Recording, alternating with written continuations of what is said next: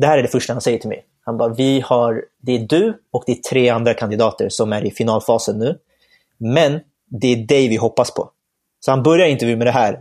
För jag tänker så här, det här är ett drömjobb för mig. Liksom, att börja med det här, det är pressen. Liksom. Du måste leverera, du kan liksom inte... Gör inte något misstag nu. Liksom.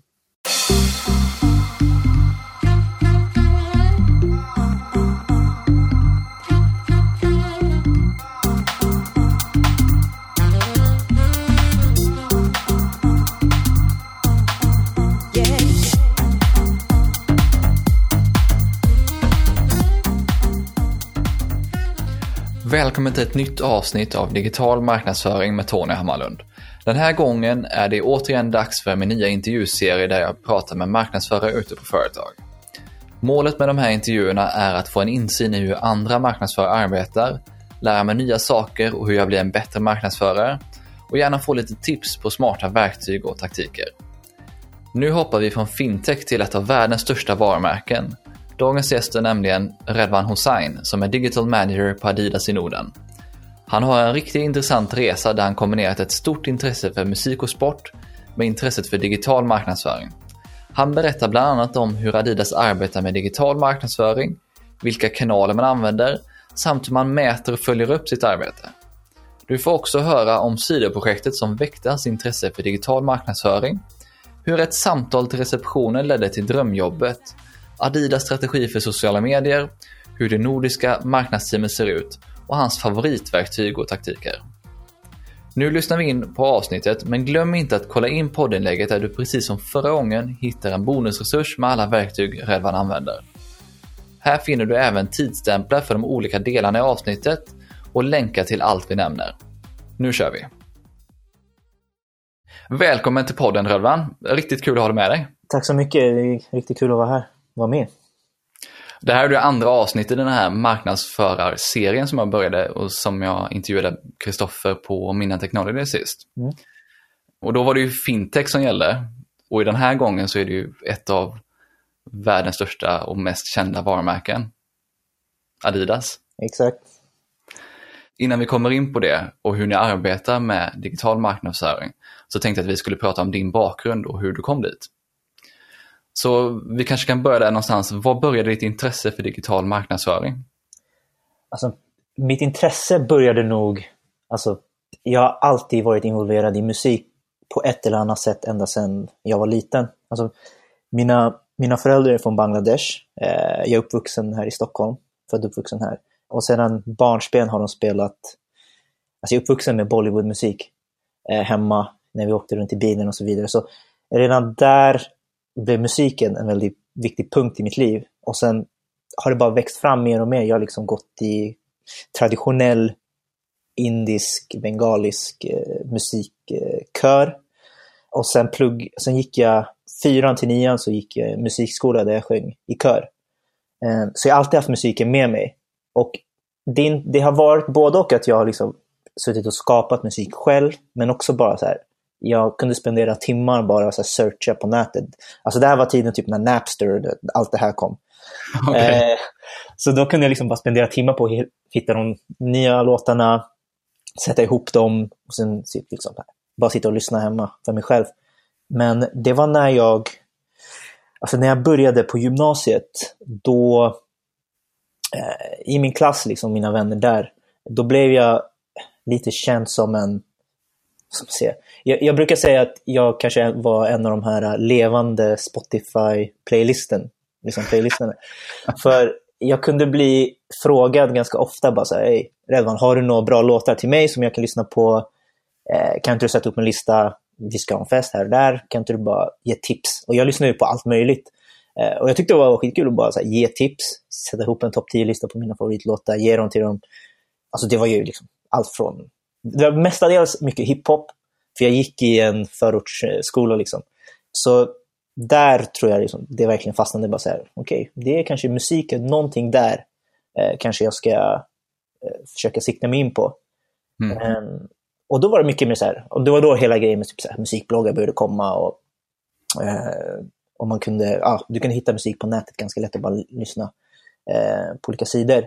Och sen liksom, det var ingenting mer med det än att jag liksom bara gick runt och tipsade och grejer, liksom med familjer och nära vänner. Men när jag började på, alltså det här var nog 2010, 2011 när jag pluggade på Stockholms universitet. Eh, och då pluggade jag liksom, jag, var, jag pluggade helt vanlig eh, marknadsföring, jag pluggade nationalekonomi och statistik. Så jag var fem år på Stockholms universitet. Och under den tiden, alltså musikintresset levde ju fortfarande. Men under den tiden så tänkte jag bara så här, jag behöver liksom få ut det på något sätt. Alltså, det, skulle vara, det skulle vara jäkligt kul att bara starta upp någonting och bara göra en väldigt enkel sida och sen bara lägga ut det. Inte så här massa recensioner hit och dit, bara göra topp 10-listor. Liksom, det skulle vara min grej, liksom bara straight, straight to the point. Ja. Så då startade jag Tumblr, eh, var ju den här mikro, eller det är fortfarande den här mikrobloggplattformen. Eh, superenkelt att bara starta upp en, en egen blogg här. Så jag startade upp en blogg. Och nu finns inte den bloggen kvar, men den var, alltså namnet på den här bloggen, det, det, det, det är inte en av mina så här stoltaste ögonblick, men den hette eh, Hungry iPod. Så en hungrig iPod, så en hungrig iPod som är hungrig efter musik. Så det var liksom det, det var, liksom det, det var så jäkla fett när jag kom på det namnet tyckte jag. Sen nu med tiden, man tänker bara, det var, det var verkligen inte riktigt coolt namn. Men det var liksom där jag började. Okej, okay, jag startade upp en, det var liksom blank vit sida. Och bara så här, proppade den full med topp 10-listor varje vecka. Liksom. Det, här, det här är min favoritmusik, det här är vad jag lyssnar på. Liksom. Hur gick det med de här bloggarna? I början gick det väl ganska trögt och då var det, det var liksom inte menat för att nå en större, alltså större publik på det sättet. Men det var bara menat så här, jag vill bara få ut det på en blank sida så jag bara har det. Och sen tipsade jag, alltså de, det är, om mina närma, så här, närma vänner lyssnar nu, eller min fru, de vet inte ens om att jag haft den här bloggen. Min fru vet inte ens om det, så det här blir nog första gången hon hör det. Eh, det var typ bara min syster och mina två kusiner som visste om det. Ingen annan. Och där ja, så startade jag igång den. Eh, det gick några månader, postade och sen så gjorde Tumblr en... De gjorde någon ny funktion. De gjorde någon eh, så discovery-funktion. Så, du kunde, så den som är, har ett konto på Tumblr kan upptäcka nya eh, bloggar inom vissa så här kategorier. Och så vaknade jag upp en morgon och så fick jag ett mail från Tumblr. Det var, det var så autogenererat mail.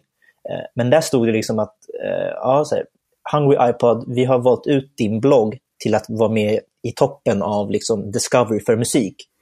Och då riktigt, fattade inte riktigt vad de menade. Så man gick in och kollade och då var det liksom, alltså de hade gjort olika kategorier och sen gick in på musik, då var det liksom Pitchfork, det var, ah, det var typ, jag vet inte om Rolling Stone var med där, men det var liksom de stora med musikportalerna, eh, medierna. Och sen var det liksom min blogg och sen var det några andra. Och det var liksom, då hade den hamnat där. Och sen när jag bara kollade, för man kunde se hur många som följer eh, bloggen. Liksom. Och då var det så här, över en natt, det var kanske 30-40 tusen som hade bara så börjat följa. Ja, men det är sjukt bra. Och, och det är liksom från att ha kanske 10 max. Liksom. Och var så här, okej, okay, nu, nu händer det någonting. Liksom. Och då börjar jag se liksom att, liksom, okej, okay, då börjar jag posta lite mer. Och då börjar, jag se, då börjar likesen komma, det börjar komma delningar. På den här plattformen kunde man fortfarande likea liksom, eh, inläggen. Eh, och så kunde man, ja, man kunde dela inläggen. Så då började jag se liksom det här med statistik. Liksom, kom ah, okay. och så, så här, Jag kunde se vart de här personerna vart de kommer ifrån, de som följer bloggen. Alltså det var ju ganska simpel statistik. Men det var nog där det började. För det var så här, den typen av data var ganska intressant att veta. Liksom, okay, de gillar det här. Eh, mindre kanske det här. Jag vet vart de kommer ifrån. Och då började det bara så här då blir man mer taggad på att posta. Så gjorde jag typ sån här, jag gjorde mixtapes, la upp dem. Alltså, och jag drev kanske den, alltså det här var bara någonting på sidan. Jag hade ingen plan på att liksom göra det här till någonting större. Så jag fortsatte bara med den bloggen. Och där tror jag intresset för digital marknadsföring började, fast jag inte kanske riktigt visste om det själv. Och eh, då började mina tankar gå liksom och säga, jag vill nog verkligen kanske jobba med det här på något sätt. Oavsett om det är liksom Alltså om, jag, om det är en blogg jag ska få satsa på eller om det är om jag ska börja på något skivbolag eller någonting. Så då tänkte jag bara, okay, det kanske är ett skivbolag jag ska försöka sikta in mig på. Kanske någon typ av marknadsföring på skivbolag. Så när jag pluggade, då satte jag stenhårt på bara så här, jag vill ha praktik. Och när jag pluggade var det så här perfekt tillfälle för att kunna få en praktik vid sidan om plugget. Och, så här. och de som inte riktigt vet hur musikbranschen funkar, för mig har det varit Alltså, jag, jag tror jag aldrig kämpat för något sådär så mycket bara för att få en praktik på ett skivbolag. Alltså jag ringde ner nog alla de stora skivbolagen, alltså Warner, Universal, Sony, EMI. Alltså jag kommer inte, jag, jag kommer inte ens ihåg hur många jag ringde, men det var otroligt många. Bara för att få till ett samtal, bara för att komma in, få en fot in där. Mm. Eh, och ibland så typ, jag fick in möten på Universal eh, med en kille från EMI. ehm, och där, så jag, kunde, jag gick ju in på, det kanske inte var intervju, det var bara så här, de ville bara träffa mig för att se hur jag var och så vidare. Och, och eh, när man kom dit så snackade vi, det var så här bra känsla, men det var ingenting som riktigt ledde till någonting. Det var mycket bara så här, är du en skön snubbe eller inte? Liksom. Okej. Eh, De hade liksom ingenting som var konkret just då. Det där pågick kanske, lovar, det kanske pågick ett år. Eh, och jag fortsatte ringa, tjata. Alltså jag vet inte själv, men jag tror jag blev ett problem inom den branschen. För jag blev nog känd som den här killen som bara sitter och... Alla och visste vem du var. Jag ringde ner alla marknadschefer. Och till slut när jag alltså precis skulle ta min eh, examen, eller min sista kurs på universitetet, då fick jag till ett möte på Sony Music. Och eh, jag kom dit, det var två, en kille och en tjej som satt där och skulle intervjua mig. Och så frågade de bara, så, men hur... Alltså så här, vad är det du vill göra här? Alltså vi pratade ju om vad jag pluggade och allt det här. Bara, men vad vill du göra här? Vad är ditt intresse? Jag bara, alltså mitt intresse är marknadsföring. Och de bara så här, kollade på mig. De bara, men alltså, du vet väl att allt vi gör här är marknadsföring? Och då, då stoppar det liksom mitt huvud. Jag bara så här, alltså, jag har kommit så här långt, tjatat i flera år och så nu äntligen har jag fått ett konkret så här, det finns en praktikplats här. Och så har jag bara lite tagit det längre, liksom, bara, vad är det jag faktiskt vill ha på ett skivbolag? De bara, så vi har ju liksom alltid på marknadsföring här, vad är det du faktiskt vill göra? Och jag bara så här, satt jag där, okej. Nu kommer det hända igen, liksom. jag kommer inte få en praktikplats, jag måste kämpa vidare. Liksom. Alla tankarna går igenom huvudet. Så. Alla tankar går in, exakt. Och sen så tar jag bara, men i mitt eh, personliga brev, eller CV jag hade skickat in någonting, så hade jag den här Hungry iPod-bloggen. Eh, så jag bara, okej, men jag har den här bloggen, den har sjukt mycket följare, eh, jag brukar posta grejer där. Och de bara, kolla in lite, de bara, okej, eh, Eh, du passar nog in på den digitala avdelningen. Så jag ska prata ihop med mina kollegor och sen återkommer vi till dig. Liksom. Men jag tror det är digitala delen du behöver vara på. Så bara, okej. Sen gick det väl några dagar och sen fick jag ett slutbesked. Liksom, bara, du kan få en sex månaders praktik, så januari till eh, juni så kan du sitta här. Du är en del av digitala marknadsförings, eh, eller digitalavdelningen som det kallas för. Och du, du kör på där. Och då var det så här, yes, nu har jag kommit in. Och på, när jag väl kom in och började liksom göra min praktik där, då var det ju väldigt mycket så här, eh, de körde mycket Spotify, så det var också där liksom hantera data inom Spotify. Liksom, vad, hur många som lyssnar på en låt, hur många streams, eh, de bitarna. Och sen var det också mycket att bygga deras sociala mediekanaler. Så de hade ju också startat upp ett eget Instagram-konto. Då var det också mycket så här, vi vill ha så mycket följare som möjligt. Liksom. Det här var 2000, det här var 2013. Eh, då jag började. Och eh, liksom jobba med deras sociala medier, bygga strategier för deras artister. Och eh, då hade vi liksom Melodifestivalen hjälpte till att bygga en social mediestrategi för artisterna som var med där. Eh, Du kastades verkligen in i det då? Jo, jag kastade, absolut. Jag kastades in i det och när man är praktikant är det också... Alltså, folk tar tillvara på att du är praktikant och du kom, de kommer ge dig uppgifter. Och det är bara bra. Liksom. Eh, Så jag fick inte bara liksom, digitala uppgifter, säger jag. Alltså, det var ju mycket så här... Alltså jag skojar inte, det var ju hämta pizza, alltså fylla på toaletten. Alltså det är, liksom, det är den nivån, men eh, disken, alltså så här, lägga in grejer i diskmaskinen. Så det ingick i praktik, men det var också så här, jag tog det eh, helhjärtat, för det var liksom så här, jag vill verkligen visa här. Alltså så här, jag vill vara här, körde på. Och när jag väl liksom satt där och gjorde min praktik, då var det så här, okej, det nu är jag inom liksom digital, den här digitala marknadsföringen. Det här är ganska intressant. Då kanske vill jag ta det ett steg längre. Kanske i den världen jag vill ha en karriär. Och sen ena den, så säga, det ena och andra ledde till att liksom, det fanns ingen tjänst för mig just då, när min praktik gick ut eh, på Sony. Eh, Så jag tog en, liksom, jag fick en praktik på tre månader efter Sony på ett managementbolag, fortfarande ett musikbolag, där ungefär samma uppgifter. Liksom. Jobba med sociala medier, bygga eh, artisternas kanaler. Men det var liksom ingenting, liksom, det, det, det ledde inte till ett riktigt jobb. Nej. Och sen har det liksom kommit till, liksom så här, okej, jag, jag är ändå i en viss ålder nu. Eh, jag behöver tänka på, liksom så här, ska jag fortsätta bara pusha för praktik och praktik? Eller ska jag liksom ta nästa steg? Och då surfade jag runt lite och hittade liksom, jag visste inte riktigt vad mediebyrå var då? Alltså vad en mediebyrå gör. Kom jag i kontakt med, alltså hittade man annons för eh, Resolution Media och att de sökte efter, eh, min alltså titeln var Social Media Advertising Specialist. Och det tyckte jag lät superintressant. Cool titel också. Cool titel och väldigt så här lång titel. Eh, jag skickade in mitt CV, personliga brev, blev kontaktad, kom på intervju. Och, jag var, och de förklarade inte liksom, vad arbetet in, vad, det, liksom, vad det innebär. Och jag var liksom ganska klar med dem. Så här, okay, jag har inte riktigt jobbat med alltså advertising, alltså köpta delar på sociala medier. Jag har jobbat mer med det organiska, hur du ska bygga liksom, sociala medier-strategi är artister och så vidare. De bara, ah, men det är lugnt. Eh, du kommer lära dig, du kommer få bra kollegor som kommer hjälpa dig. Liksom. De, de var i sjukt stort behov av en person. Så de bara, så här, vi tar in det, du verkar, vara, liksom, du verkar ändå ha grunderna. Liksom. Jag bara säger, jag vet inte om jag har grunderna. Eh, men eh, fick jobbet, kom in och det var liksom här jag faktiskt började lära mig liksom CPM, CPC, räckvidd, frequency, impressions, hur du ska optimera. Eh, och då jobbade jag liksom både med små varumärken, men så jobbade jag också med stora liksom, svenska varumärken. Och det är samma sak här, jag, jag kastades ganska snabbt in i det. Men alltså, en eloge till mina kollegor på den som jag hade då, liksom, som verkligen hjälpte mig för att liksom, komma in i det. Och sen var jag där, inte jättelänge, för de gjorde en eh, omorganisering på Resolution Media. För Resolution Media ingår i en större koncern som är Omnicom. Okay. Eh, mm. Och Resolution Media var en, ska säga, på Resolution då satt eh, alla som jobbade så här, lite mer back-office, alla som jobbade liksom SEO, SEM, eh, paid social, och på OMD, eh, som det var byggnaden bredvid oss, där satt alla planners och alla liksom key account managers. Och det de gjorde var att man gjorde den här omorganiseringen att de som, majoriteten av mina varumärken som jag jobbade med var OMD-klienter.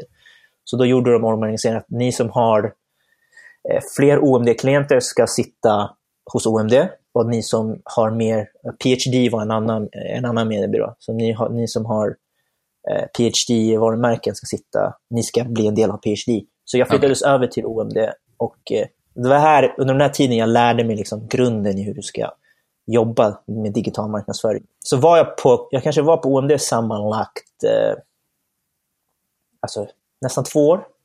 Mm. Eh, och eh, hade, alltså jag tyckte det var skitkul, eh, men hade också i mitt bakhuvud så här att jag vet inte om det är mediebyråvärlden jag vill jobba i. Eh, det, det är kul att jobba med varumärken, man lär sig ganska mycket. Men jag tror jag vill jobba på ett fett varumärke, alltså någonting som jag själv känner en koppling till. Och det var liksom så här, jag har alltid varit, in, alltså musik har alltid varit ett stort intresse, men sport, alltså jag har spelat basket, jag spelar fotboll liksom. Eh, jag är inte så jäkla bra på fotboll, men det, det, vet mina kollegor på mitt nuvarande jobb. Men, eh, men du älskar det i alla fall? Jag älskade det, absolut. Alltså, det, var, det, det är liksom min stora passion, alltså mm. sport. Eh, och där, alltså, jag älskar liksom sport, jag älskar musik.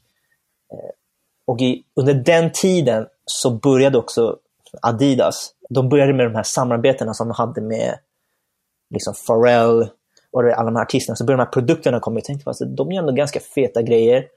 Eh, de har också några av mina alltså, absoluta favoritatleter, fotbollsspelare. Liksom. Eh, så bara, okay, det... Och så självklart, jag har ju på mig deras kläder. Så liksom, jag har ju den kopplingen. Jag gick in på deras hemsida och hittade liksom ingen... Alltså det fanns liksom inga tjänster där som var riktigt för mig. Eh, så det jag gjorde var att en dag när jag satt på, min, satt på jobb på OMD så ringde jag bara upp deras reception och sa att okej, okay, jag heter det här, eh, jag jobbar med det här eh, och jag vill jobba hos er med det här. Vad, eh, vem kan jag kontakta? och det här var hon som receptionisten som svarade. Hon bara, du, du kanske ska kontakta vår HR-ansvarig.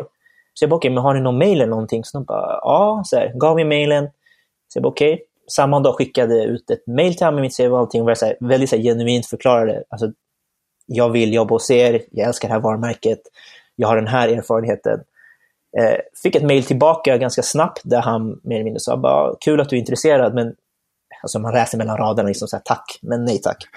okay. eh, jag bara okej, okay. jag, jag, hade inte räknat med att det skulle lett till någonting ändå. Eh, så skrev jag bara, men ha gärna mig i åtanke för eh, framtida så här, möjligheter. Eh, Han bara, okej okay, visst. Eh, hörde ingenting på fyra, fem, sex månader. Och så helt plötsligt så fick jag mail, eh, fick ett mail från min dåvarande chef som skrev att Hej, vi söker efter en eh, digital manager på Adidas nu för Stockholmkontoret. Har du lust att komma in på en intervju? Och jag var så här, okej, okay, coolt. Nu, nu letar de efter någon. Alltså, nu kommer jag ihåg, jag hade absolut inga förhoppningar på att jag skulle få det här jobbet. För i deras liksom, erfarenheten, det de söker, det var ju liksom minst tre års erfarenhet, jobbat med det här och det här. Jag, bara, alltså, jag kommer inte få det. Eh, men jag, var jag vill bara se hur deras kontor är, det, är, det är säkert asfett. Liksom.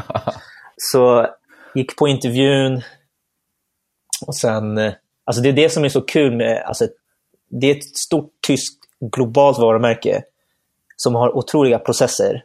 Men att, och jag som har kämpat med praktiken och få in, så här, tjata på att få komma in på, på ett möte och här liksom ett, ett samtal till en reception så ger mig kontakt till en HR, mejlar och så det är där det börjar. Det var liksom fortfarande för mig så här, shit, det är ändå sjukt att det gick till på det sättet när jag tänker tillbaka. Ja. Eh, ja, men gick på intervjun, hade fyra intervjuer, gjorde case. Mitt sista, absolut, och vet, man går vidare efter varje intervju så de sållar ju bort folk. Liksom. Eh, och mitt fjärde och sista intervju var med just med den HR-personen som jag hade haft kontakt med. Och när jag presenterade mig när jag kom på intervjun så sa jag, alltså, jag vet inte om du kommer ihåg, men jag mejlade dig för typ så här, alltså det här var, så här, intervjuprocessen tog fyra månader tills jag fick jobbet. Och sista intervjun var ju liksom i slutet av året. Eh, och det här var 2014, slutet av 2014. Eh, och då sa jag till henne, jag vet inte om du kommer ihåg, men jag eh, kontaktade dig bara så här rent från ingenstans eh, om att jag ville ha en tjänst, här, om ni hade någonting. Och du eh, sa så här, okej, okay, men att du ska ha mig i åtanke. Så här, jag bara, det är ändå sjukt att du hade mig i åtanke och att jag är här nu för den sista intervjun. Han bara, jo, jag kommer ihåg det, för Filip, som då var min dåvarande chef, hade frågat HR, bara, så har du några kandidater till den här tjänsten? Har du någon CV du kan skicka till mig? Och då sa han bara, så jag bara kom på helt plötsligt, bara, just det, jag har ju dig. I, så här, sparad på min desktop någonstans. Liksom. Jag bara, ah, okej, okay, så här, coolt. Och då hade, ja, jag skickade bara, och sen, ja, nu är du här på din sista intervju. Så börjar intervjun med att han säger till mig, det här är det första han säger till mig. Han bara, vi har, det är du och det är tre andra kandidater som är i finalfasen nu. Men det är dig vi hoppas på. Så han börjar intervjun med det här. För jag tänker så här, det här är ett drömjobb för mig, liksom, att börja med det här. Det är pressen. Liksom. Du måste leverera. Du kan liksom inte... Gör inte något misstag nu. Liksom. Till slut så fick jag, fick jag jobbet och eh, nu har jag varit på Adidas i, i januari blir det fyra år. Eh, inom samma liksom, digital manager-roll som då liksom ändå har utvecklats ganska mycket på de här fyra åren. Eh, ja, det är sjukt coolt. Ja, det, när man tänker på sånt blir man så här, speciellt nu när jag snackar med dig och hela den här grejen, bara, man tänker tillbaka, bara, så, det egentligen kanske inte går till så för alla som söker jobb på Adidas. Det är verkligen mycket processer och eh, så här, men eh, ja, ledde till det i alla fall. Ja, men det är väl det, friskt vågat, hälften vunnet. Ja, men precis. Alltså, jag har alltid haft den här grejen, så här, vill jag ha någonting, alltså det är ganska klyschigt att säga, men så vill man ha någonting så jag tjatade bara ner folk. Och det ena ledde till det andra. Så det, ja, alltså, ge, ge inte upp om man ska säga, om man ska säga det mest klyschigaste som finns, men finns en liten sanning i det. Ja, men det är sjukt eh, coolt att höra historien och bara sådana här saker som den här Hungry iPod-bloggen liksom, som mm. leder till praktikplats eh, som kanske var det som också fick dig att mm. väga över för din del. Exakt. Och sen liksom vägen vidare. Men hur ser din roll ut som digital manager på Adidas idag då, om vi hoppar vidare? Um, så det jag gör nu, så när jag började på Adidas så var det väldigt mycket, du jobbade väldigt mycket organiskt. Eh, det var också så här bygga eh, de sociala mediekanalerna de hade. De hade precis öppnat upp lokala Instagram-konton, lokala Facebook-konton. Och det här var alltså, ungefär för snart fyra år sedan, då var rollen mycket baserad på det. Liksom, du ska jobba eh, mer organiskt, det var inte så mycket budget bakom eh, det hela för köpmedia. Nu har den rollen utvecklats mer och nu är det liksom, jag jobbar i princip 100% med bara paid media. Och när jag menar paid media så är det eh, liksom allting som jag via sociala medier och det vi gör via så display eller programmatic för brand. Och det jag menar med brand är, liksom, det är för våra egna kampanjer som, vi, som Adidas är avsändare för. Och sen ansvarar jag också för våra återförsäljares eh, digitala kampanjer. Så på vissa kampanjer så kan vi ha ungefär Stadium, inte sport, eh, som vi aktiverar en digital budget för, för att sprida våra kampanjer via deras kanaler. Och jag jobbar med det här på nordisk basis, så jag ansvarar för Sverige, Norge, Danmark och Finland. Eh, både för brand och för retail-kampanjerna. Och jag är den enda personen i organisationen som har en digital manager-roll. Hur gick den här övergången från att jobba med lokala konton till att jobba uteslutande med paid media då? Eh, så när jag började på Adidas så hade alltså jag rekryterades för att eh, de hade precis startat upp sina lokala konton.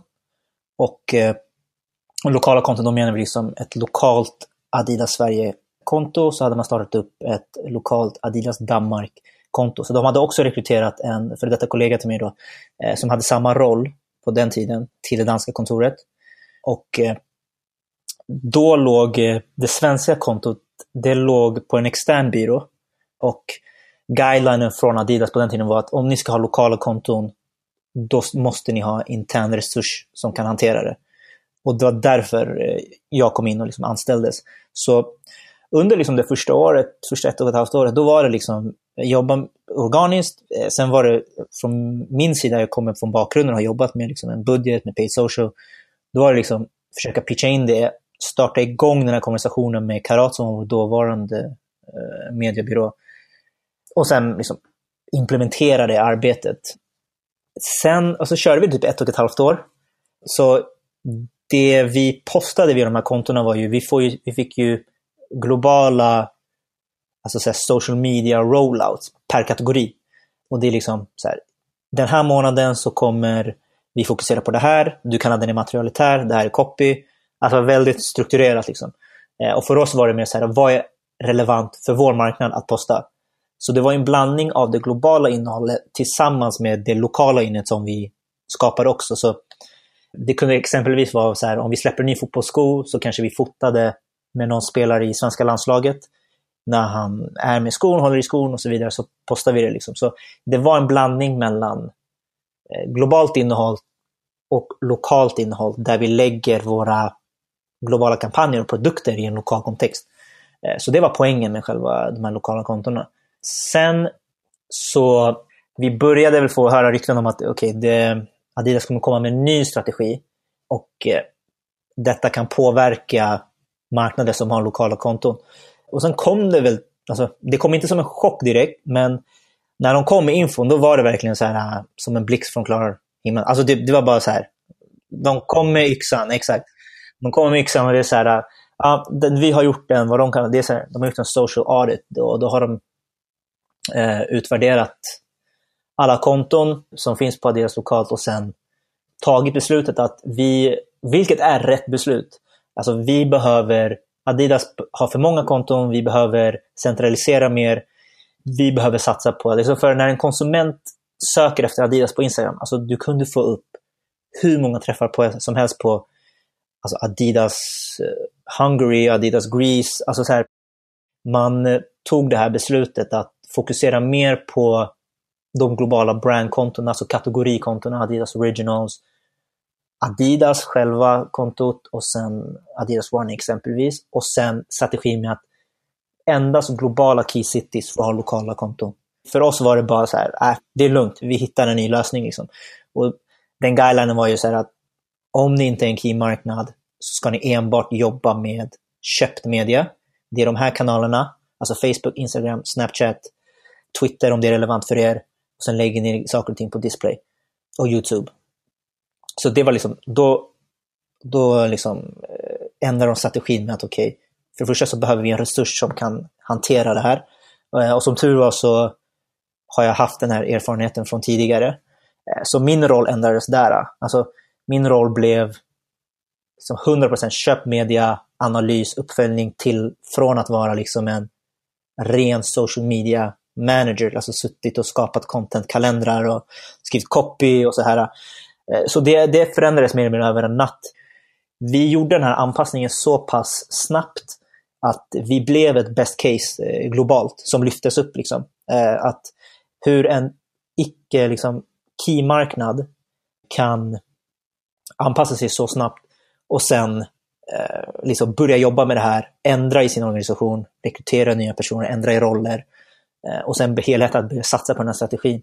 Och det är inte supersvårt, men det är svårt om man satsar på resurser som liksom endast gått ut på att jobba på det här sättet och sen inte haft liksom kanske kompetensen för att ta det vidare. Eh, så de använder oss som best case och där, jag, jag kommer jag kom inte ens ihåg hur många timmar jag har spenderat, suttit i telefonsamtal med liksom så Latinamerika, med deras team bara för att berätta så här, så här, det var det här vi gjorde, det är så här ni behöver jobba med er mediebyrå. Eh, konkreta exempel på liksom hur vi har gjort. Hur är det då att jobba med digital marknadsföring inom ett globalt varumärke som Adidas är? Det, är en, det är en dröm om man verkligen har den här passionen för sport, musik, mode som jag har. Sen är det också, det är väldigt mycket processer, det måste man ha klart för sig. Det är mycket, det är mycket guidelines och ramverk. För det här är, liksom, det här är ett av världens största varumärken. De ska se ut på ett visst sätt och det ska kommuniceras på ett visst sätt. Så man kanske inte har, inom mitt fält, så har man kanske inte de här fria tyglarna och göra vad man ville. Det man kunde göra när jag började för fyra år sedan.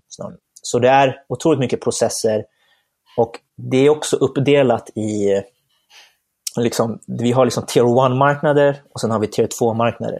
Så tier 1-marknader är våra liksom globala key city-marknader. Liksom. Så där har vi liksom London, New York, Tokyo, LA. Så liknande marknader och så har vi tier 2 vilket är marknader som Norden. Och när man är indelad i olika tier 1 och tier 2 så betyder det också att man har olika typer av resurser och också access till olika typer av data och så vidare. Så medan tier 1-marknaderna har kunnat göra mycket större grejer. Eh, de har också liksom lokala konton. Eh, de bygger mycket av kampanjerna via liksom lokala kommunikationspunkter. Så det är en av grejerna. Och tier 2-marknader som oss eh, jobbar mycket inom mer så här, ni, jobb, ni ska jobba mycket med paid media, köpt och vi, vi behöver också invänta de globala marknaderna när det gäller tester och så vidare. Så allting ska gå igenom en process. Så Tier 1-marknaderna får access till andra typer av format, det ska testas, allt möjligt. Det ska gå via dem och sen kommer det till oss. Jobbar du på en lokal marknad så jobbar du med enbart vissa kanaler.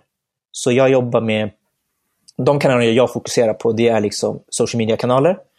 Eh, och sen har vi också då alla liksom, hur vi köper via display och programmatiskt. Och vi jobbar liksom inte lokalt med SEO eller liknande retargeting och sånt här, utan det ligger på en helt annan avdelning som sitter i Amsterdam. Så mycket av jobbet handlar också om att liksom synkronisera våra kampanjer så att vi, hela kundresan blir rätt logisk. Liksom. Och där är, vi liksom, där är jag med i globalt Analytics Newsroom Team. Jag kommer förklara senare vad ett newsroom är, men vi är, jag är en del av det teamet och i det teamet så ingår liksom marknader som alla de globala marknaderna, alltså Japan, USA, Spanien, Italien, Tyskland. Så personer som har liknande roller som mig, vi har så här äh, veckosamtal om hur vi delar insights, vad funkar bra i våra marknader, vad behöver vi tänka på?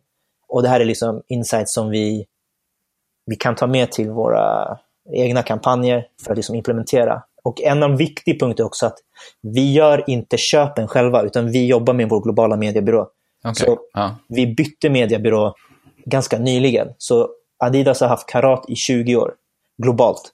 Och nu har man upphandlat ett nytt avtal med Mediacom. Så det blev känt för några månader sedan, men Mediacom är vår nya globala mediebyrå. Så de har jag otroligt mycket kontakt med. Eller försöker få igång den här processen med att få upp våra kampanjer och sånt. Så kontakten med mediebyrå är kanske en av de absolut viktigaste uppgifterna i mitt jobb. Hur fungerar den kontakten och det samarbetet med mediebyrån? Vi, jag, briefar ju oftast, jag briefar ju in eh, våra kampanjer till eh, mediebyrån. Så diskuterar vi liksom, vad är det vi kan göra för den här kampanjen, vad är det som har funkat bra i tidigare kampanjer och inte funkat bra. Vi sätter kopiorna tillsammans för varje kampanj och de, utgör, här, de utför faktiska köpen. De, de, är en, det är de som kommer med liksom rekommendationer, det är de, som ut, det är de som ska utmana våra briefer. Men det är också de som är vår liksom sparringpartner. Jag ser det som i alla fall det. Alltså så här, eh, det är de jag, alltså är du ensam i min roll inom digitalt inom en organisation så är kontakten med mediebyrån otroligt värdefull för för dig själv för att lära dig så mycket som möjligt. Speciellt när du också jobbar i så här silos hela tiden. Liksom, jag jobbar enbart med social och display. Ja, du är inne på att du, du sitter ju som ensam på den rollen som du har i Norden. Mm. Men hur ser ditt övriga marknadsteam ut? Så i Norden så har vi då, eh, jag är en del av det nordiska marknadsteamet. Och inom det nordiska marknadsteamet så ingår eh, lite mindre teams som det är uppdelat i. Så jag är en del av brandteamet. Inom brandteamet så har jag tre kollegor som är, så deras titlar är brand communication managers. Så deras uppgifter är att helt enkelt, de är varumärkesansvariga för sin respektive kategori och de projektleder sin, sitt varumärke. Så jag har en kollega som är ansvarig för originals, en kollega som är ansvarig för fotboll och en kollega som är ansvarig för running och training. Så de, de projektleder varumärket när det är liksom dags för kampanjer, de har hand om liksom alla kontaktpunkter. Så det, det är mitt närmsta team och mina närmsta kollegor på, på jobbet. Eh, sen har vi också ett newsroom. Och en newsroom är ett ganska intressant koncept, för det här det har kommit fram efter vissa organisationsförändringar liksom, som har skett hos, hos oss. Och Newsroom, helt enkelt, det de jobbar med, de tar hand om våra PR och influencer marketing och eh, kontakter. Och de är också en, ett team som driver eh, contentproduktion på lokal nivå. Och det är alltså att de driver contentproduktionen via våra liksom, influencerskanaler, PR-kanaler och deras jobb är helt enkelt att liksom, ta de globala kampanjerna, lokalisera dem och skjuta ut det via våra liksom, assets och asset, det vi kallar för liksom influencers eller atleters eh, kanaler och PR-kanaler. Okay. Mm. Så det är vårt newsroom är. Sen har vi också sports marketing, vilket är eh, det kallas kort och gott Spåma-teamet. Så deras uppgift är helt enkelt att liksom signa nya atleter. De har kontakter med förbunden och klubbar. Alltså vi jobbar med Svenska fotbollsförbundet exempelvis. De är Adidas-sponsrade. Så det är vad de hanterar, liksom alla aktiveringar kring våra atleter och förbund. Eh, och till sist så har vi Omni-teamet som ansvarar för alla aktivering och marknadsföring via våra återförsäljare. Så hur aktiverar vi Stadium, Intersport, eh, Sportmaster i Danmark? Så de ansvarar för den biten. Så det, det är så teamet ser ut. Det här är på nordisk basis. Så eh, vi har alla liksom nordiska kollegor, så vi har kontor i... Vårt huvudkontor för Norden sitter i Solna i Stockholm. Och sen har vi kontor i Helsingfors, Köpenhamn och i Oslo. Mm. Eh, så vi är liksom, även fast vi är utspridda på olika platser så är vi alla tillsammans ett stort team. Liksom. Eh, så med mitt team är baserat i Stockholm, så alla sitter i Solna. Och det är utifrån Norden också, vi, de globala strategierna kommer in, det är vi som planerar dem och sen är det vi som liksom aktiverar dem i resten av den nordiska marknaden. För då kommer kom vi in på det här med planering, målsättning och strategi. Mm. Hur arbetar ni med det när man sitter på den nordiska marknaden och har liksom det globala Adidas som mm. eh, sitter över? Eh, vårt globala huvudkontor har gjort en mediaplan eh, som vi ska lokalisera. Eh, och det, det vi menar med lokalisera är liksom så här, hur kan vi anpassa den här globala mediebriefen lokalt? Så det är också mycket så här, vilka kanaler jobbar vi med här? Vad är det som är relevant för oss att titta på? Ja, hur ser de nordiska förutsättningarna ut? Ja, för, exakt. Hur implementerar vi det här i eh, Norden? Eh, och då sätter vi, så sitter jag med Brandcom, jag har ansvar för att sätta ihop briefen till mediebyrån. Eh, och när det är klart, då kontaktar vi mediebyrån. Okej, det är det här materialet som kommer komma, det här är budgeten, eh, målgruppen är det här, hur tycker ni, hur ska vi justera det? Vilka liksom, targeting-processer har vi? Eh, och då, liksom, då, på, då har den processen påbörjats. Och tillsammans så sätter vi också liksom, kopiorna. Och inom Adidas, så har vi, inom mitt område, eh, så har vi, eh, och inom newsroom-området då, så har vi en väldigt strikt KPI-process. Så tidigare, så anledningen till att man började med den här KPI-process, strikta KPI-processen var att för många marknader har mätt på olika saker. Eh, det har aldrig riktigt varit så här synkat. Så vi mätte en grej, Japan mätte en annan grej och andra marknader mätte någonting annat. Så man har liksom inte fokuserat på exakt samma kopior. För det har blivit ett problem när man ska dra insightsen eh, tillsammans. Så Ja, det, blir det blir helt omöjligt att det blir jämföra. helt omöjligt. Ja. Och speciellt när det är olika marknader. Alltså typ så här, alltså Kina, de jobbar inte ens de kanalerna vi har. De jobbar med någonting helt annat. Liksom. Eh, så man satte liksom den här processen med att alla marknader ska jobba med ex exakt de här kopiorna. Så vi har en measurement funnel.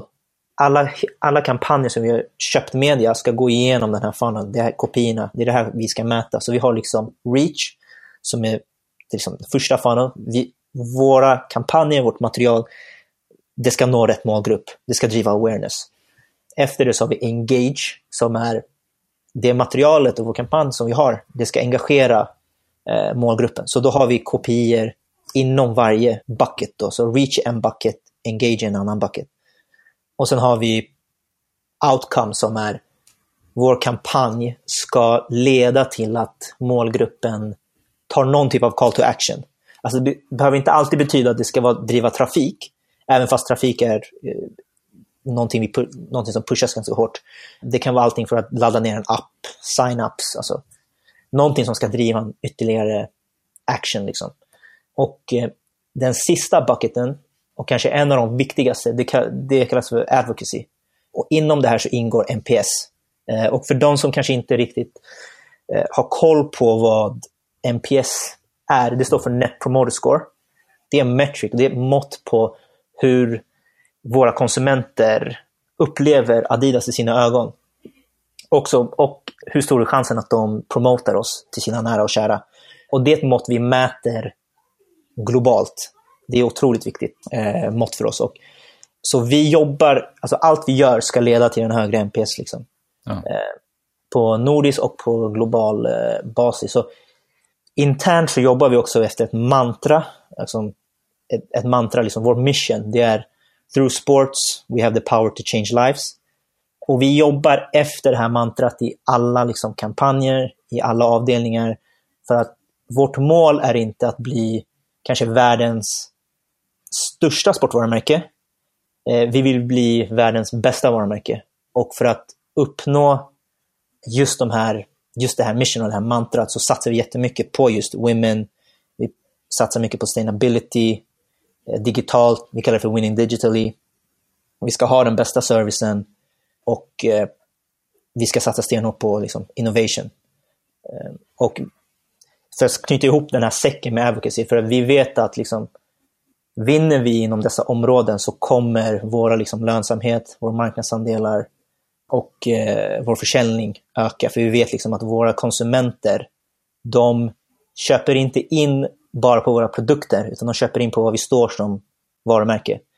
Så just den sista funneln, den sista boxen i funneln, advocacy och NPS, det är, eh, Den är sjukt viktig. den, den är sjukt viktig och vi mäter det kvartalsvis. Så vi har en extern byrå som mäter det och det är, det är sjukt viktigt för oss att se till att vi har en bra NPS helt enkelt. NPS då är liksom en av de här KPI inom de här områdena som ni mäter. Kan du ge några exempel på andra KPI som ni tittar på i de andra områdena? Yes, så vi har, om, om man tänker till eh, räckvidds eh, reach eh, bucketen, så där ingår liksom, vi ska ha eh, alltså, räck, hög räckvidd, eller relevant räckvidd. Frekvensen kollar vi på och sen kollar vi på lite, eh, antal videovisningar. Så all, alla våra kampanjer ska ha liksom ett, ett toolkit där vi har liksom en video, en hero-video, vi har bilder som ska by- byggas karuseller av, vi har kanske en canvas. Eh, nu heter det väl eh, Inad Experience eller någonting, det har bytt namn nu, canvas. Men det toolkitet vi får ska också reflektera de kopiorna vi har. Så det är liksom vad som ingår i Reach eh, Funnel. I Engage Funnel så kollar vi mycket på så här, engagement rate, vi kollar på det kan vara click-through rate eller eh, liknande kopior. Och sen har vi eh, inom, eller video completion rate är också ett KPI vi kollar på inom engagemangsfasen. Och sen har vi outcome-fasen som är det som ska driva call to action. Så för oss så kollar vi mycket på trafik och vi kollar mycket på liksom så här quality traffic, vilket är kvalitetstrafiken. Så de som inte har kommit in på sidan och bounceat, vilka har hållit sig kvar. Liksom. Så det kollar vi på. Så poängen med hela den här funneln är inte att vi ska ha så många kopior som möjligt, utan vi ska ha så få kopior som möjligt som ska kunna definiera vår framgång. Liksom. Sen har vi, alltså, de här kopiorna är det vi kallar för, det är våra mandatory KPIs. Och sen har vi också supportive KPIs som är, alltså det kan vara andra kopior, det kan vara CPV, det kan vara CPM och liknande. Det är kopior som vi mäter också, men det, det ska supporta de obligatoriska kopiorna. Så det, du behöver inte nödvändigtvis rapportera in det här till Global, utan du kan lyfta in de här kopiorna om du känner att det är relevant. Så det är liksom hur vi jobba med våra kopior och vad vi mäter eh, helt enkelt. Och sen inom mitt fält, när, när jag startat kampanjen med mediebyrån, så det är då liksom, och vi har definierat kopiorna, det är då jag ska säga, det faktiska jobbet börjar ju liksom att se till att ha en jättetät dialog med mediebyrån, se till att hur funkar kampanjer, hur optimerar ni, vad är det som inte funkar och vad är action på att göra det här?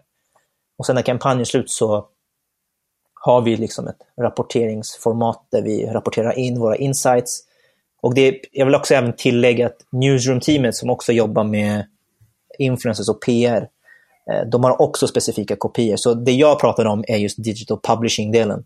Newsroomet har också kopior och det följer också exakt samma funnel. Så i deras kopior, exempelvis PR, så handlar det om att i reach-fasen att få så, liksom, få så relevant upptäckning som möjligt.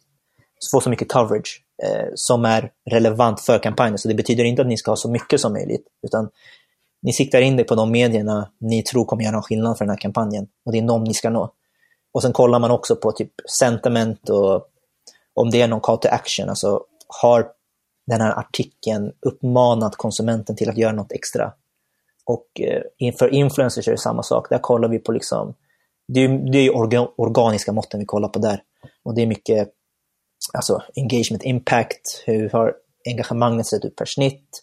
Har vi haft någon video? Hur många videovisningar har det varit? Och så vidare. Så alla våra kopior kan läggas in i en och samma funnel, så alla liksom silosar jobbar inom samma funnel. Liksom. Och samma sak när vi har displayer och programmatiskt. Allting ingår i samma reach, engage, outcome funnel. Men om vi hoppar över lite på några sådana här konkreta saker som knyter in lite det här med olika verktyg och ett toolkit och sådär. Vad är dina favoritverktyg som du använder i ditt arbete? Så de verktygen jag jobbar i, öppet dalningen, så eh, Business Manager på Facebook. Alltså, vi vill veta liksom hur våra kampanjer går. Eh, det är samma konto som vi delar med vår mediebyrå.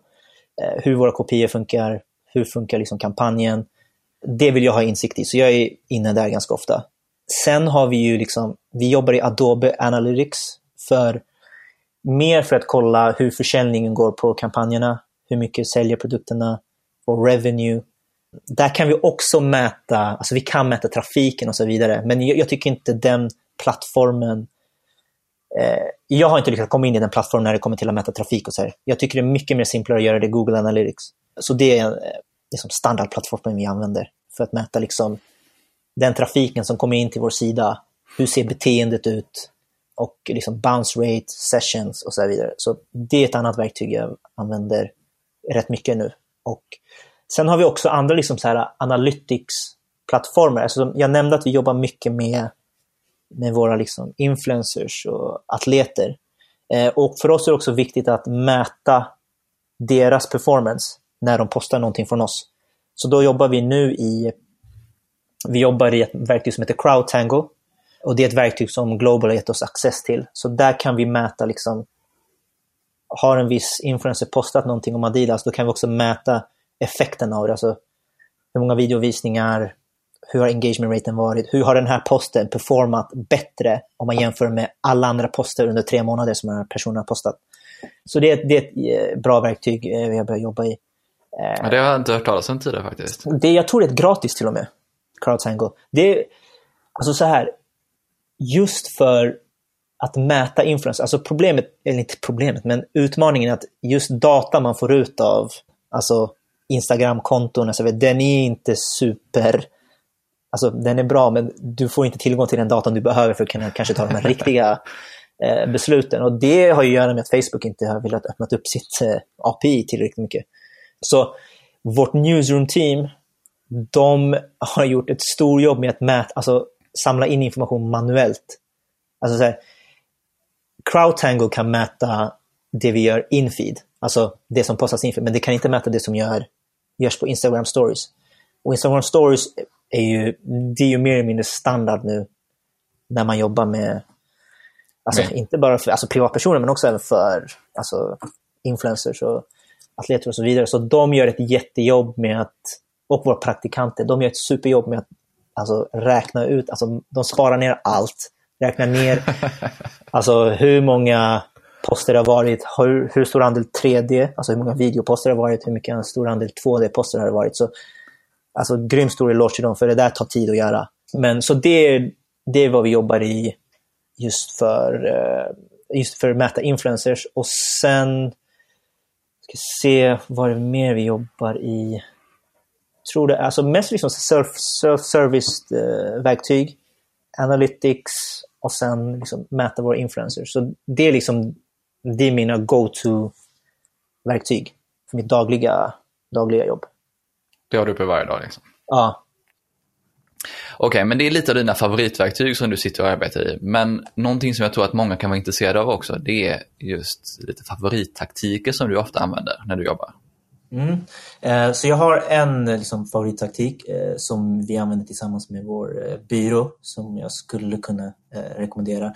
Det är att när ni har en övergripande kampanj eh, där ni vill uppnå både räckvidd och eh, trafik och ni har liksom specifika kopior för det eh, så skulle jag rekommendera att eh, om ni driver den här kampanjen via sociala medier att ni i ert liksom, self-service-system Eh, delar upp den här övergripande kampanjen i två små mindre kampanjer. Så den första lite mindre kampanjen har syfte att driva räckvidd och där stoppar ni in material som är till för att driva räckvidd, exempelvis liksom video.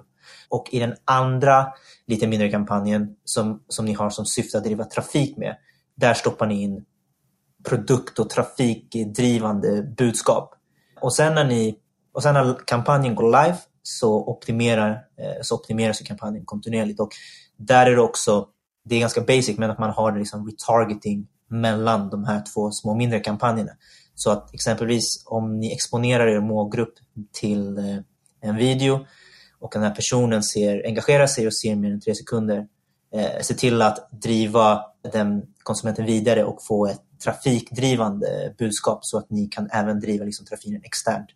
Det är min rekommendation istället för att skapa en stor kampanj, stoppa in allt material under en och samma adset och sen bara börja ha olika kopior, olika så här, material för olika syften och sen bara optimera på det. Eh, ni kommer inte få, då kommer inte ni kanske uppnå lika bra resultat. Eller många, försö- många försöker ju göra allt med en och samma post. exakt. Att den ska både få reach och Mm. den ska även konvertera, skicka in både trafik och generera köp och allting samtidigt. Precis. Jag tror det bara handlar mer om att vara mer så strategisk. Eh, dela upp budgetarna eh, så ni får liksom så ni har en bättre möjlighet att uppnå era kopior. Och det blir också mycket mer tydligare för konsumenten. För det krävs också, alltså du behöver ha en frekvens på ditt material som liksom, målgruppen exponeras av. Så ibland så krävs det mer än liksom, en bild för att få dem att gå vidare. Det kanske krävs två, tre, fyra olika material. Så eh, det är ett tips. Jag tror det är, det är någonting som många borde följa när man Mm. eh, jobbar med Ja, jag hoppas det. Ja. Men det är effektivt. Eh, Det är ganska simpelt tänkt, men det är ganska effektivt. faktiskt. Sen tror jag också som eh, vi brukar göra när vi eh, briefar in eh, kampanjer till vår eh, mediebyrå, specifikt när det gäller våra brandkampanjer via sociala medier, så brukar eh, min feedback till byrån alltid vara att optimera alltid högre upp i, eh, i eh, funnel. Alltså optimera så att vi når räckvidd och eh, awareness. Detta eftersom att våra produkter, de behöver vi visualisera och vi behöver berätta en story kring, eh, kring våra lanseringar. Och det man kan se i en liksom, attributionsmodell är att eh, paid social utifrån ett brandperspektiv är, fungerar mer som en så här, öppningskanal. Och eh, det man ser är att den plattformen assisterar er målgrupp eller liksom målgruppen till att eh, komma närmare en konvertering eller ett eh, avsluta sig en försäljning än att liksom i större grad driva trafik som leder till direkt försäljning. Eh, Så där ni kommer se att ni får kanske mer direkt försäljning eller konvertering är liksom lägre ner i er funnel. Alltså via kontakt, eh, kontaktpunkter där eh, man visar kanske lite mer intent. Så det kan liksom vara SEO, SEM, eh, nyhetsbrev, affiliates. Alltså kontaktpunkter som kanske driver mer outcome. Och den liksom utifrån tidigare erfarenheter så vet jag att man lägger otroligt mycket vikt på att driva trafik genom sociala medier utifrån ett brandperspektiv. Men man kanske inte har tagit hänsyn till hela ens liksom, digitala ekosystem och hur Hela kundupplevelsen. Kundupplevelsen, liksom. exakt.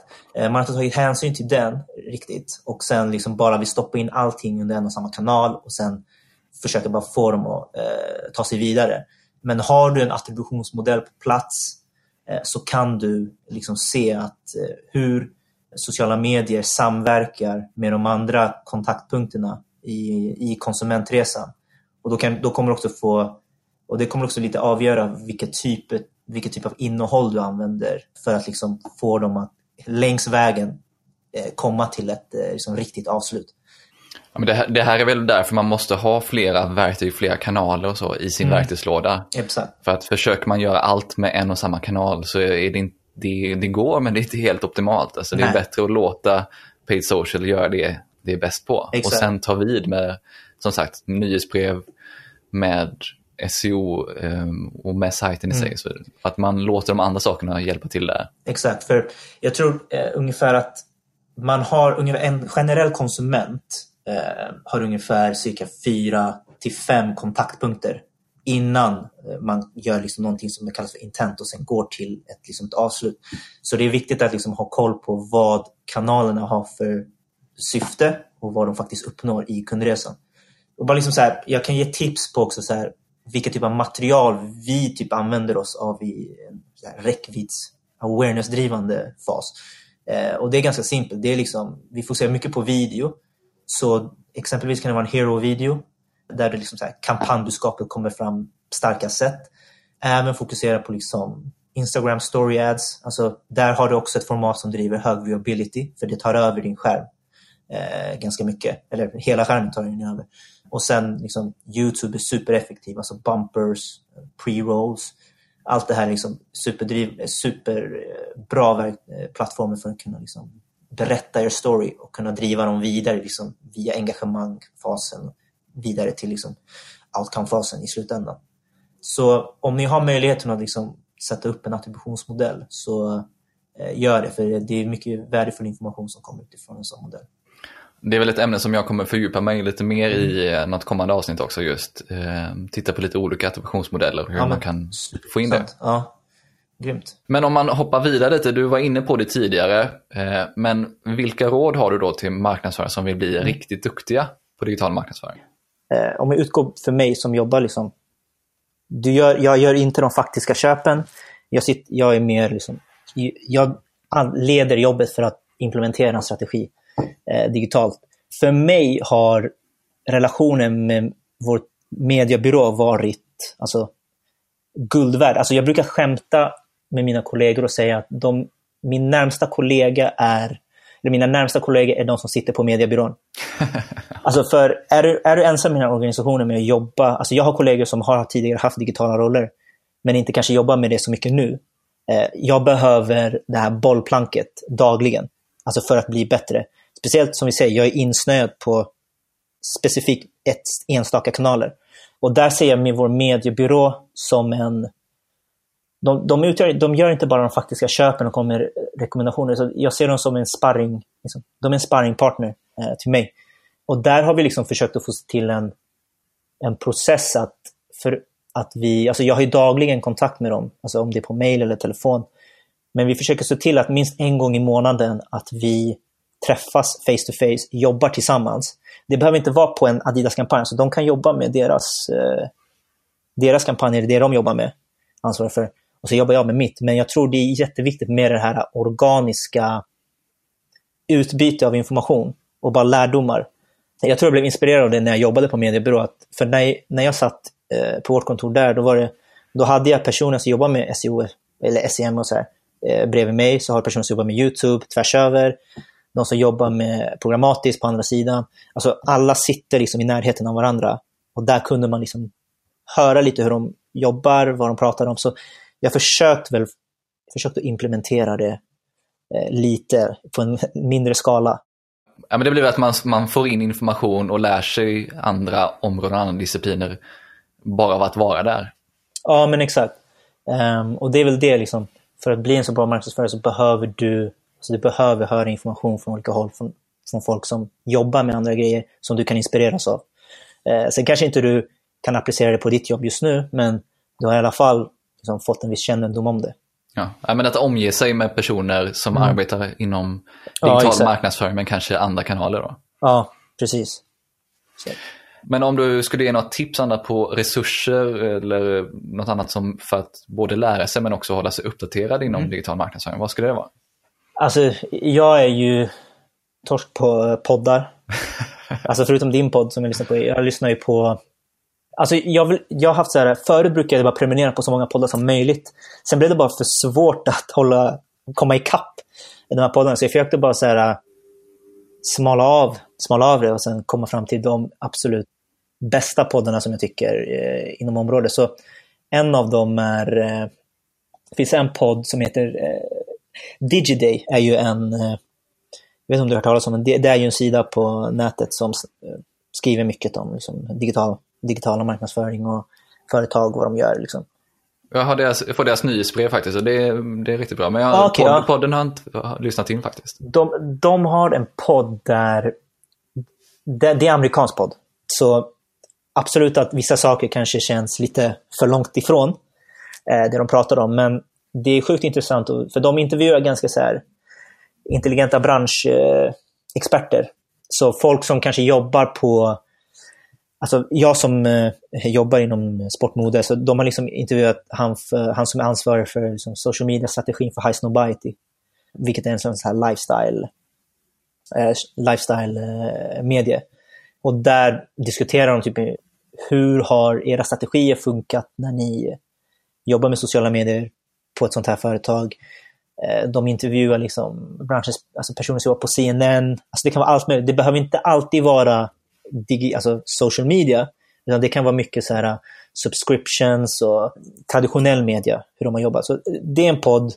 Jag tror det är bara intressant att höra folk prata om alltså, olika utmaningar inom olika fält, liksom. bara bredda sig. Mm. Sen finns det en annan podd, som liksom, den heter Digital Marketing Podcast. Det är två britter som driver den. Och det är mer eller mindre liksom rena digital marketing liksom på agendan senaste avsnittet handlar, liksom om, handlar om uh, affiliate marketing. Uh, vad är man ska tänka på? Vad är det först och främst? Och ett annat avsnitt var så här, är retargeting verkligen bra uh, att använda som varumärke? så det, den är mer liksom så här grejer du faktiskt kan applicera och få en att tänka. Liksom. Ja. Så det, det är absolut en uh, podd. Sen svenska poddar, liksom, lyssna, jag har börjat lyssna på Social by Default. Ganska intressant. Bara få liksom insikter kring uh, ja, insikter kring sociala medier och bara tankesättet kring det. Så det är väl nog poddar. Sen är det liksom mycket, en del TED-talks på YouTube. Sen har jag ju mina go-to nyhetssidor. Alltså jag använder en app som heter, jag vet inte om du har hört den, den heter Feedly. Ja, eh, den använder samma här. Ja, exakt. Så där har jag bara matat in vad jag vill följa och bara så här, så inte jag behöver ha så många appar som möjligt. Eh, för, så där, där följer jag ju eh, liksom Adweek är en bra sida tycker jag, Mashable.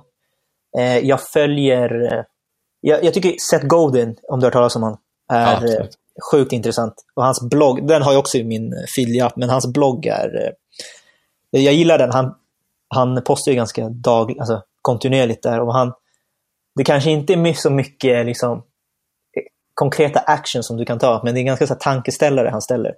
Eh, frågor som man ställer som kan få en att tänka eh, till extra eh, inom just marknadsföring och digitalt och den biten. Så han tycker jag ändå är ganska, en ganska intressant snubbe. Eh, och hans böcker är fantastiska också. Jag har faktiskt inte läst eh, hans böcker, men eh, jag, jag skulle helt ärligt erkänna att jag önskar att jag läste mer böcker, att jag hade det drivet. Men det är en bok som jag faktiskt har läst, om jag skulle vilja tipsa om. den heter eh, Marketing Goes Digital. Jag vet inte om du har hört talas om den? Har jag faktiskt inte gjort, men eh, den hamnar absolut på min läslista. Eh, den, den är skriven av eh, två personer som heter Johan Eriksson och David Stålberg. Så båda två har en grund, eh, bakgrund från Google. Den är, alltså, jag, du kan, jag tror du kan lätt läsa ut den på två, på två dagar, liksom, på två kvällar. Den är, jag, blev tipsad om, här, om den här boken från eh, två kollegor på, eh, på jobbet och eh, en av de här författarna var också på vårt kontor och hade en miniföreläsning liksom, om tanken. Men de tar upp ganska mycket, alltså på ett pedagogiskt sätt, hur du inom en organisation ska kunna anpassa dig efter alltså, den här digitaliserade världen. Och sen tar de också upp så här, olika modeller och verktyg för hur du på bästa sätt kan liksom effektivisera din sälj och marknadskommunikation. Så den, alltså som sagt, jag läser inte mycket böcker överhuvudtaget, så att jag fastnade för den här tycker jag säger ganska mycket. Så den skulle jag varmt eh, faktiskt rekommendera. Den är, den, är, den är sjukt lättläst och eh, mycket så här, bra exempel som eh, jag tycker var väldigt, eh, alltså väldigt lärorikt. Så det är väl det är de liksom, tipsen jag skulle säga så här, det, de, det jag vänder mig till. Ja. Ja, men den, den boken hamnar absolut på läslistan och så kör, mm. jag, kör jag nog en bokrapport på den också. För det ja, kan du rekommendera den så, så blir det skitbra. Ja. Avslutningsvis så tänkte jag också kolla, alltså trender är alltid kul mm. att läsa om och höra om och så vidare. Men vilka trender skulle du säga att eh, marknadsförare bör hålla koll på? Alltså någonting vi har diskuterat mycket och det diskuteras också ganska... Det här är en ren trend som är här för att stanna tror jag, men det är något vi också diskuterat väldigt eh, Alltså det diskuteras väldigt mycket i medier men också mycket liksom, internt hos oss. Det är hela den, hela en grejen med dark social. Eh, vi har, speciellt för oss som har en målgrupp som, en målgrupp som är eh, i de yngre åldrarna, så ser man Alltså, jag tror jag läste att 80% av all webbtrafik som kommer från delningar är just från dark social-plattformar. Så ungefär 20% är egentligen den andelen du kan faktiskt typ härleda till vart de kommer ifrån. Ja. Så, och det är liksom, dark social är ju det här med att eh, alltså Messenger, WhatsApp, eh, Snapchat, alltså Instagram DM, all den liksom, kommunikationen som sker bakom stängda dörrar. Och jag, när jag bara kollar, till, kollar på mig själv, alltså jag, jag använder Messenger, Snapchat, Instagram och WhatsApp när jag kommunicerar. Och det här med samma personer. Och här liksom delar jag, alltså här kan vara att jag delar annonser, jag delar video, jag delar inlägg. Jag tror det är ett sjukt intressant beteende som börjar ske för att man läser också hur hur infeed, alltså den traditionella infeeden förändras och hur man kanske drar sig ifrån den mer och mer. Alltså hur Facebook ser ut nu i infiden, alltså det är ju... Alltså det är ju jag är inte så mycket inne på Facebook mer än att liksom kanske dela om det är något event eller alltså, gratta någon som fyller år. Liksom. Inte mer än så kanske. Eh, och jag tror det beteendet har börjat förflyttas mer till de här Messenger apparna. Man, man, man kommunicerar mer bakom stängda Eh, dörrar. jag tror som varumärke är också viktigt att finnas där och kunna bemöta det. Och en av de här grejerna är ju liksom att man har börjat se fler och fler bottar börja komma och hela den trenden. Så jag, jag tror det är, alltså om jag ska gå på en rak trend att hålla koll på, absolut. Jag tror det är superintressant och det kommer bara bli någonting som man ska koll, hålla koll på mer och mer. Jo men alltså det är, egentligen, det är ju det som är so det sociala i sociala medier ja. egentligen. Det är kommunikationen, det, har ju, det andra, feeden har ju blivit mindre och mindre social. Ja men absolut. Exakt, ja men det, det är som du säger, alltså, nu när man kommer in på de här infeed, det är, mycket, det, det är för mycket annonser, det är för mycket, det är för mycket envägskommunikation. Ja. Och eh, just den här one, one-on-one kommunikationen har saknats eller har försvunnit. Så jag tror det, jag tror det är en del av liksom hela anledningen till varför folk mer och mer börjar spendera mer och mer tid i Messenger och de här eh, apparna och man kommunicerar och mer bakom liksom stängda dörrar, eh, som du säger.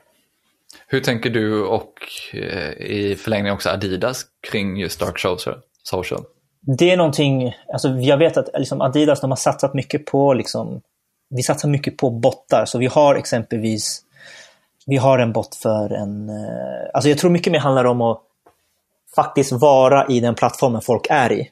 Så vi har exempelvis en London-teamet har skapat en bot för, de har en träningsstudio som är en sån women's studio där de har skapat en bot som man kan eh, egentligen bara gå in och boka direkt i botten. Alltså du kan få tips om vilka produkter du kanske ska ha till träningen, du kan boka in dig på pass, du kan få tips om generella träningsgrejer. Eh, alltså, jag tror mer det har, alltså den appen har blivit, eh, eller den botten har blivit liksom lite mer som ett best case hos oss, hur man kan Sen tror jag också hela grejen med bottar, det är, man är inte riktigt där man vill vara. Den är ganska tidig i fasen.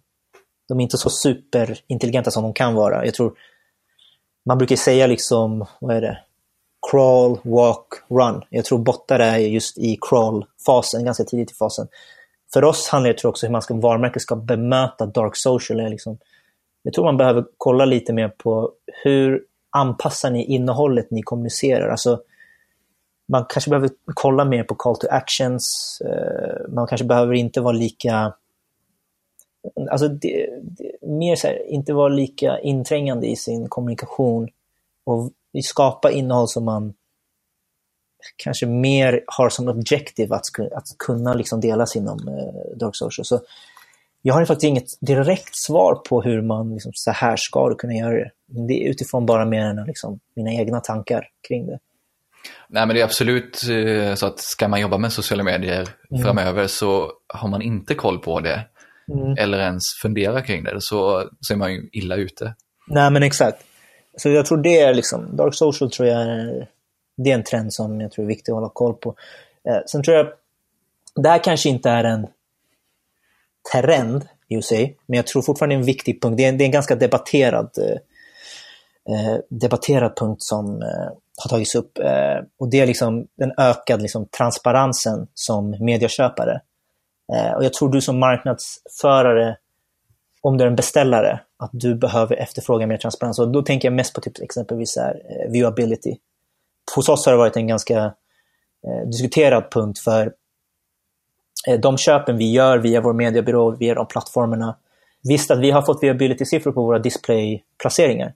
Men jag tror det är ännu, för oss har det blivit viktigare, jag tror för många andra företag, att faktiskt veta vad är viability i, i sociala medierna, alltså när ni köper. För jag har sett rätt mycket, alltså om jag har läst mycket case och sånt här, att företag de stoltserar ganska mycket med att så här många personer nådde vi, så här många impressions hade vi, så här mycket alltså likes, hela den biten. Liksom. Det här har vi haft, men man ställer sig inte frågan liksom så här, av de, alla de impressions ni fick, alltså hur mycket av det har hur mycket av det har konsumerats eller hur mycket, har, hur mycket, hur mycket av det har liksom faktiskt er annons alltså, gjort en betydelse? Hur mycket av det har visats? Och det är också bara det, så här, viability är diskuterat. Jag tror inte det riktigt finns ett universalt, alltså det här är viability. Alltså så här, det, man, det man snackar om när man ska definiera vad viability är ju att om du har en statisk bild så ska den vara 50% in-screen och minst en sekund så ska du ha spenderat på den. Och om det är en video så ska du ha minst 50% men du ska spendera minst två sekunder i det. Har du koll på din viability så har du också möjlighet att dra slutsatsen, är det här en plattform jag ska satsa på? Är det här rätt format? Och så vidare. Så jag tror, jag tror mer snack och mer, alltså sätt upp ett KPI som är faktiskt är viewability. Alltså så här, Mät det hela tiden kontinuerligt. Alltså, ni kan, alltså man kan jämföra vad som är effektivast. Är det video som kommer vara effektivast i en kampanj? Eller är det en statisk eh, bild? Eh, så jag tror det är jag tror det är ett superviktig grej. För det kommer avgöra också hur mycket ni investerar i så saker och hur mycket tid och resurser ni lägger in i det.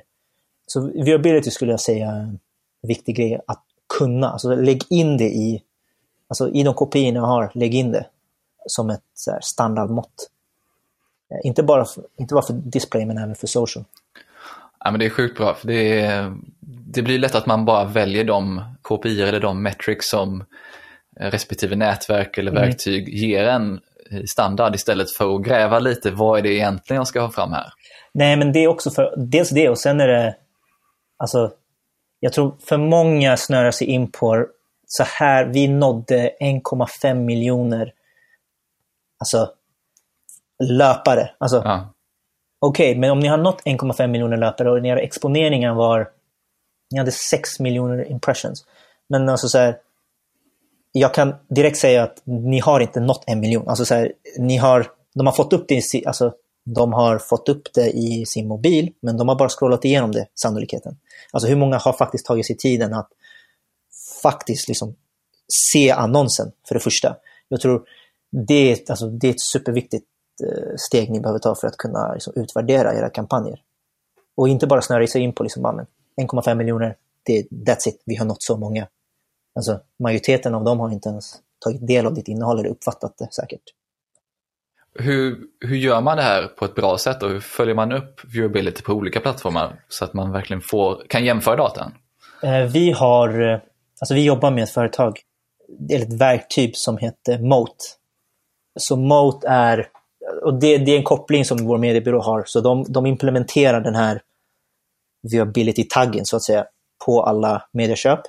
Och sen kan vi bara mäta in det och sen kan vi liksom få ut man kan dela upp det så här, vad har viewabilityn varit på era 2D-materialet och vad har viewabilityn varit på er 3D-material på plattformarna. Och sen så kan vi, liksom, vi kan utvärdera det utefter det. Och det, det, det jag pratade om tidigare om det här med Tier 1-marknader och Tier 2-marknader på Adidas. Tier 1-marknader har redan kunnat mäta det här. Vi som är på 3.2 marknaden, vi har tillgång till det här liksom, nu.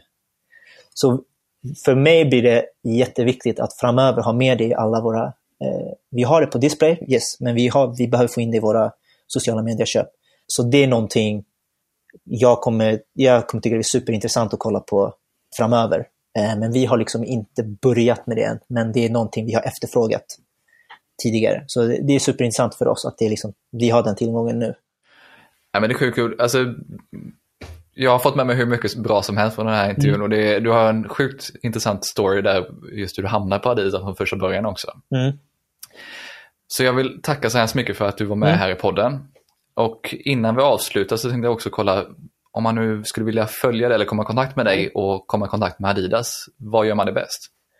Eh, vill du komma i kontakt med Adidas, alltså följ Adidas på alla sociala medier du har.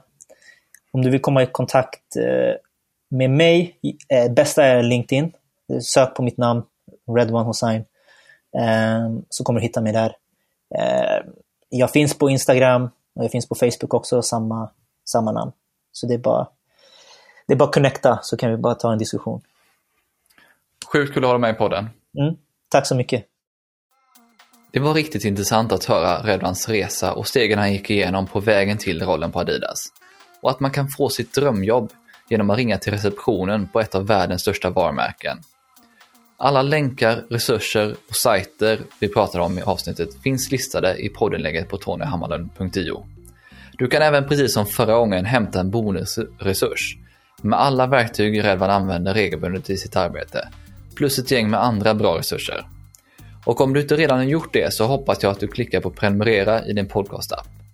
Avslutningsvis vill jag också passa på att tacka Mikael på Newbridge Music som både klipper och står för musiken. Vi hörs snart igen.